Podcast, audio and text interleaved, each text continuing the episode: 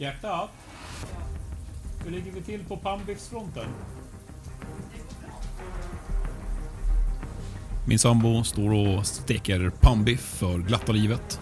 Men innan jag ska utvisa den så ska jag ladda upp veckans avsnitt som kommer att handla om kompetensprovet.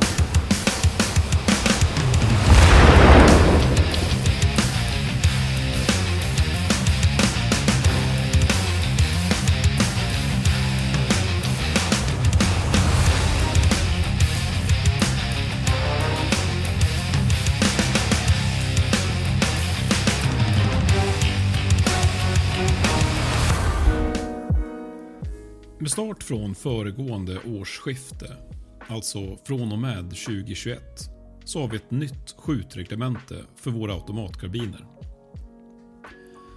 Embryot till det här skjutreglementet kunde vi börja uttyda redan 2011 då skjutreglemente för armén, pansarskott, eldhandvapen och kulsprutor 94, allmänt känt som PEK 94, ersattes av Skjutär Grunder 2010. Och ett utkast på ett nytt skjutreglemente för automatkarbiner i form av diverse informella broschyrer och liknande med övningar började få spridning. PEK 94 var ett bra reglemente när det kom. Det tog ett helhetsgrepp på de vanligast förekommande soldatburna vapnen och det var fyllt med smarta idéer kring upplägg på både skjut och stridsutbildning. Det satte dock inte ett så stort fokus på instruktörens duglighet att instruera just skjutteknik och försökte ersätta Tradecraft med mallar för träffbildsanalys och en approach där få skulle kunna öva många. Det stora var dock att vi inte längre grundutbildade värnpliktiga i 7, 9, 11 eller 15 månader. Utan vi hade ställt om till ett yrkesförsvar där soldaterna skulle bara få en grundläggande militär utbildning på tre månader och Sen var tanken att de skulle anställas och fortsätta att formas under sin anställning som soldater eller under sin skolgång för de som valde att bli yrkesofficerare. Ett reglemente som var tänkt att följas under minst sju månader var helt enkelt inte särskilt lyckat för en utbildning som inte ens var hälften så lång. Så Försvarsmakten beställde ett nytt skjutreglemente för automatkarbinerna som bättre skulle passa den personalförsörjningsstrategin. Och skjutreglemente Försvarsmakten automatkarbin grundläggande militär utbildning 2010 lanserades. Forskning och planering fortsatte dock bakom kulisserna nere hos arméns vapenofficer och avdelningen för stridsteknik. Och reglementet förfinades och metoderna förenklades. En ny helfigur togs fram och störst av allt kanske en insikt att det är inte särskilt intressant att skjuta små träffbilder. Utan det som känns mest relevant är att kunna leverera så mycket verkan som möjligt på så kort tid som möjligt. Vilket gav oss ett sätt att mäta skicklighet som en träffkvot. Alltså att de poäng som skytten skjuter delas på tiden som det tog att skjuta dem. Och tidigare kunde ju en skytt som på kort tid sköt en dödlig serie underkännas. Medan en skytt som sköt en långsam serie med ett visst antal centimeter stor träffbild på ett skadande ställe godkännas. Så vi hade en förmåga att premiera fel saker. Men för att stödja det här nya sättet att mäta skickligheten på så gav vi den nya helfiguren träffzoner. Och de här kopierades rakt av från de internationellt gångbara IPSC-tavlorna. Där den avlånga rektangeln i bröstet gav mest poäng och sen så fick man färre och färre poäng ju längre ut i figuren man träffade. Skjuter, GMU ÖFT 2016 var här. Allt var frid och fröjd och nästan alla var nöjda och glada. Men plötsligt hände någonting. Vi gick tillbaka till ett värnpliktsförsvar. Nu var det inte längre en tidsfrist på tre månader att ta sig igenom skjutreglementet. Och dessutom hade vi i princip avvecklat Afghanistaninsatsen och hela fokuset på internationella uppdrag där normerande motståndare var en handfull bönder med RPGs och AKM. Nu var vi tillbaka i ett tydligt fokus på nationellt försvar. Och den nya normerande motståndaren är inte bara mekaniserad, utan den enskilde soldaten bär någonting som insurgenten sällan bar. Ett modernt kroppsskydd. När vi inte längre kan räkna med att få verkan om vi skjuter där motståndaren är som mest skyddad, det vill säga precis i kroppsskyddets platta, så blev det genast väldigt kontraproduktivt att ha en skjututbildning som betingar alla våra soldater att rikta precis mitt i plattan. Och med det som bakgrund så startade arbetet med att ta fram ett nytt skjutreglemente som skulle vara bättre anpassat mot det nya värnpliktsförsvaret. Det skulle ta höjd för den nygamla motståndaren och dessutom kunna vara tillräckligt dynamiskt för att anpassas för olika förbandstyper. Resultatet blev ett nivåindelat system med en bas, en tilläggs och en spetsnivå. Basnivån är grunden och oavsett vilken nivå du är på i Försvarsmakten så skjuter du baspaketet. Alla från koklottan till fallskärmsjägaren om du bär en automatkarbin så har du också skjutit baspaketet. Tilläggsnivån är tänkt att fungera som en liten byggsats där cheferna för respektive organisationsenhet och självklart då i samverkan med fackkunskapen väljer ut de delar som förbandstypen behöver för sin typiska tjänst. För ett förband kanske det är skjutning på långa avstånd för ett annat så kanske det är skjutning med burna, burna sensorer och för det tredje så kanske det är skjutning från stödaxel under förflyttning eller någon kombination däremellan.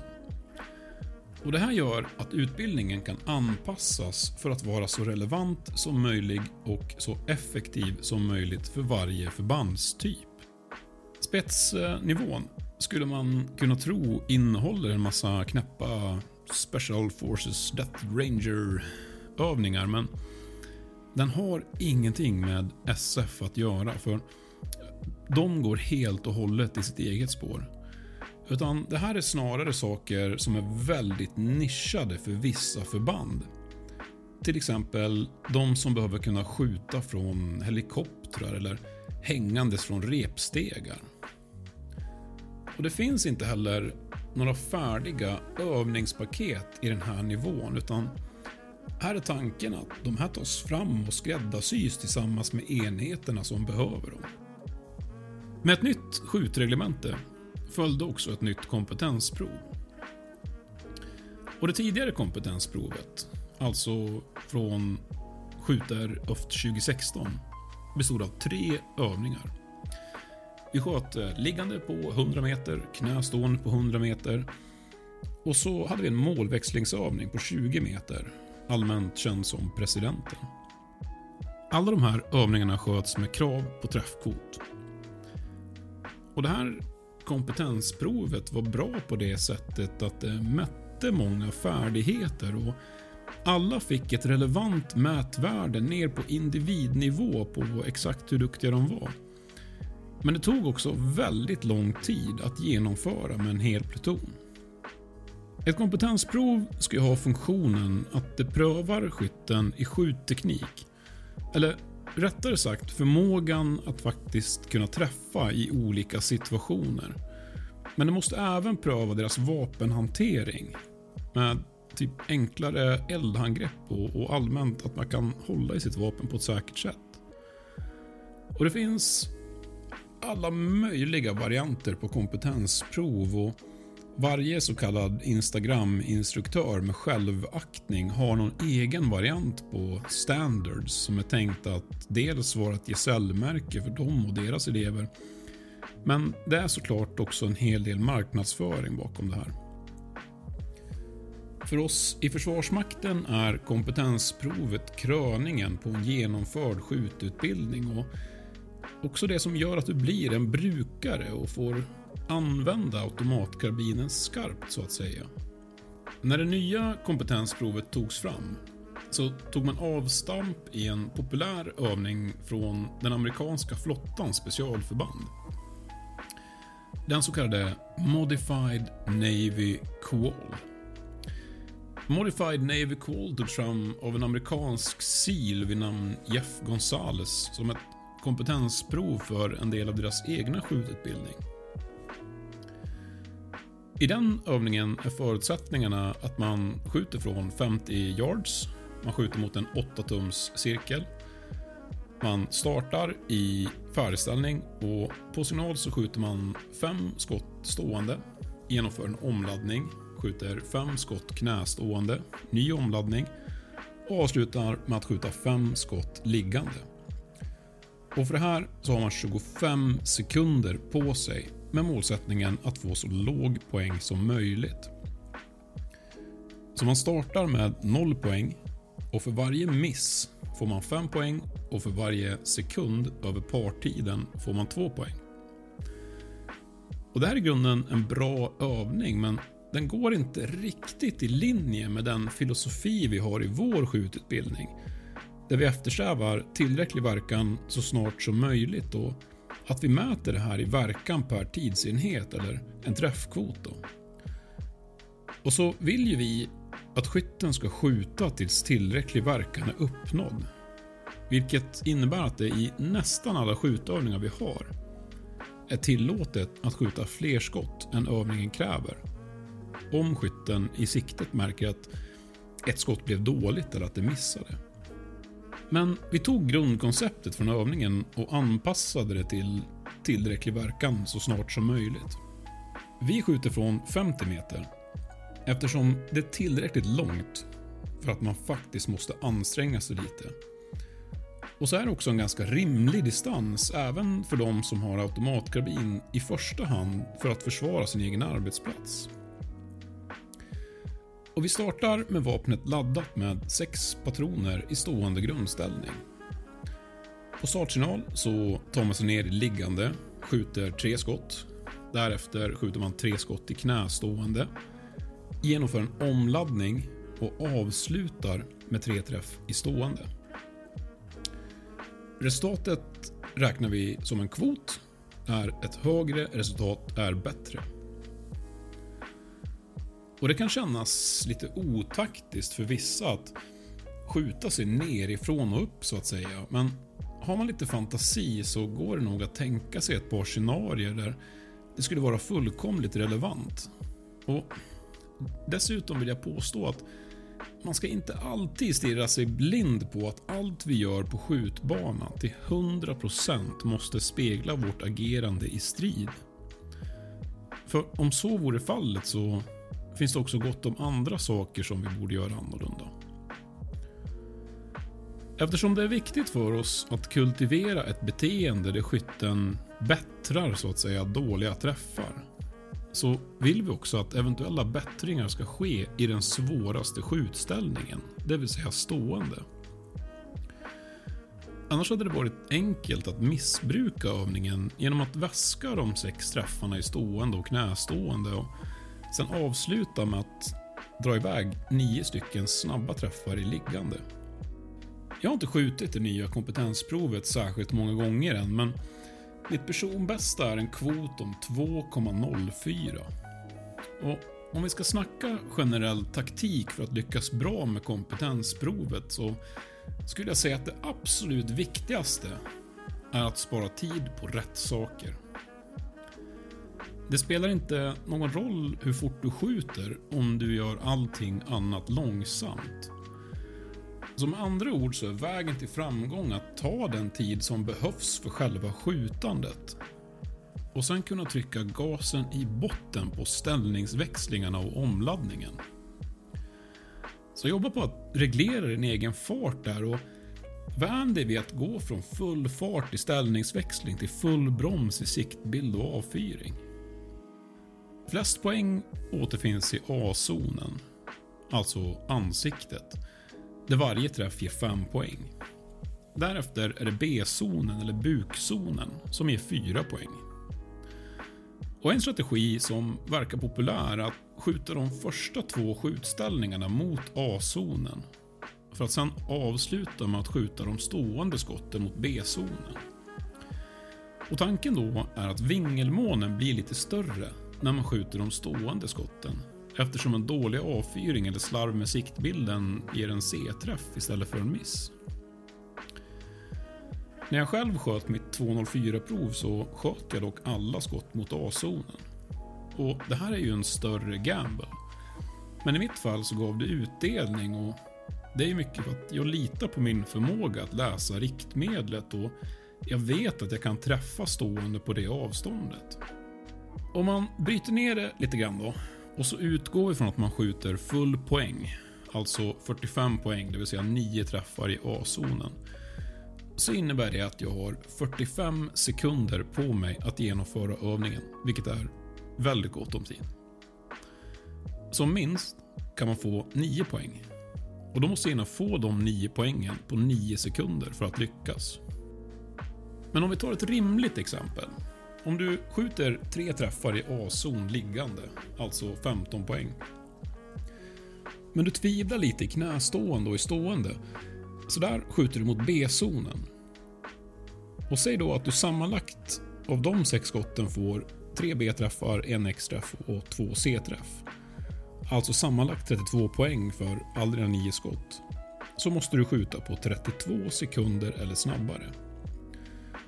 Och eftersom kvoten är 1 så vet jag per automatik att så länge jag har lika många poäng eller mer poäng än vad jag har tid så är jag automatiskt godkänd. Vilket sparar ganska mycket tid när man administrerar den här övningen på skjutbanan. Att tänka på också är att det är samma krav oavsett om du skjuter AK4 eller AK5. Tidigare fick man ju lite mer poäng för sämre träffar när man sköt AK4 men det har visat sig att, att det är liksom inte särskilt stor skillnad i vilken verkan vi får när vi skjuter med en större kaliber kontra en mindre kaliber. Vilket gör då att det vore felaktigt att premiera sämre träffar med den grövre kalibern. Det går alldeles utmärkt att träna på kompetensprovets ingående delar i isolation. Man behöver faktiskt inte ens skjuta för att göra det. Till stor del så handlar ett bra resultat om hur smidigt man kan växla mellan skjutställningarna och därigenom spara tid. Och eldangrepp såsom omladdningen gör sig nästan bättre som torrträning än som våtträning. Så lägg ganska stort fokus på just omladdningen i din torrträning och lägg gärna in att göra det medan du rör dig från knästående till stående.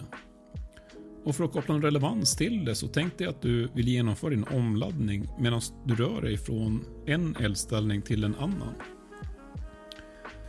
Men missförstå mig rätt här nu också. För din träning ska ju inte syfta till att bli så bra som möjligt på just kompetensprovet. Utan den ska ju syfta till att bli så bra som möjligt med din automatkarbin i så många rimliga situationer som möjligt. Dock så är ju momenten som ingår i kompetensprovet inte helt fel att träna på i just isolering som ett verktyg för att nå dit.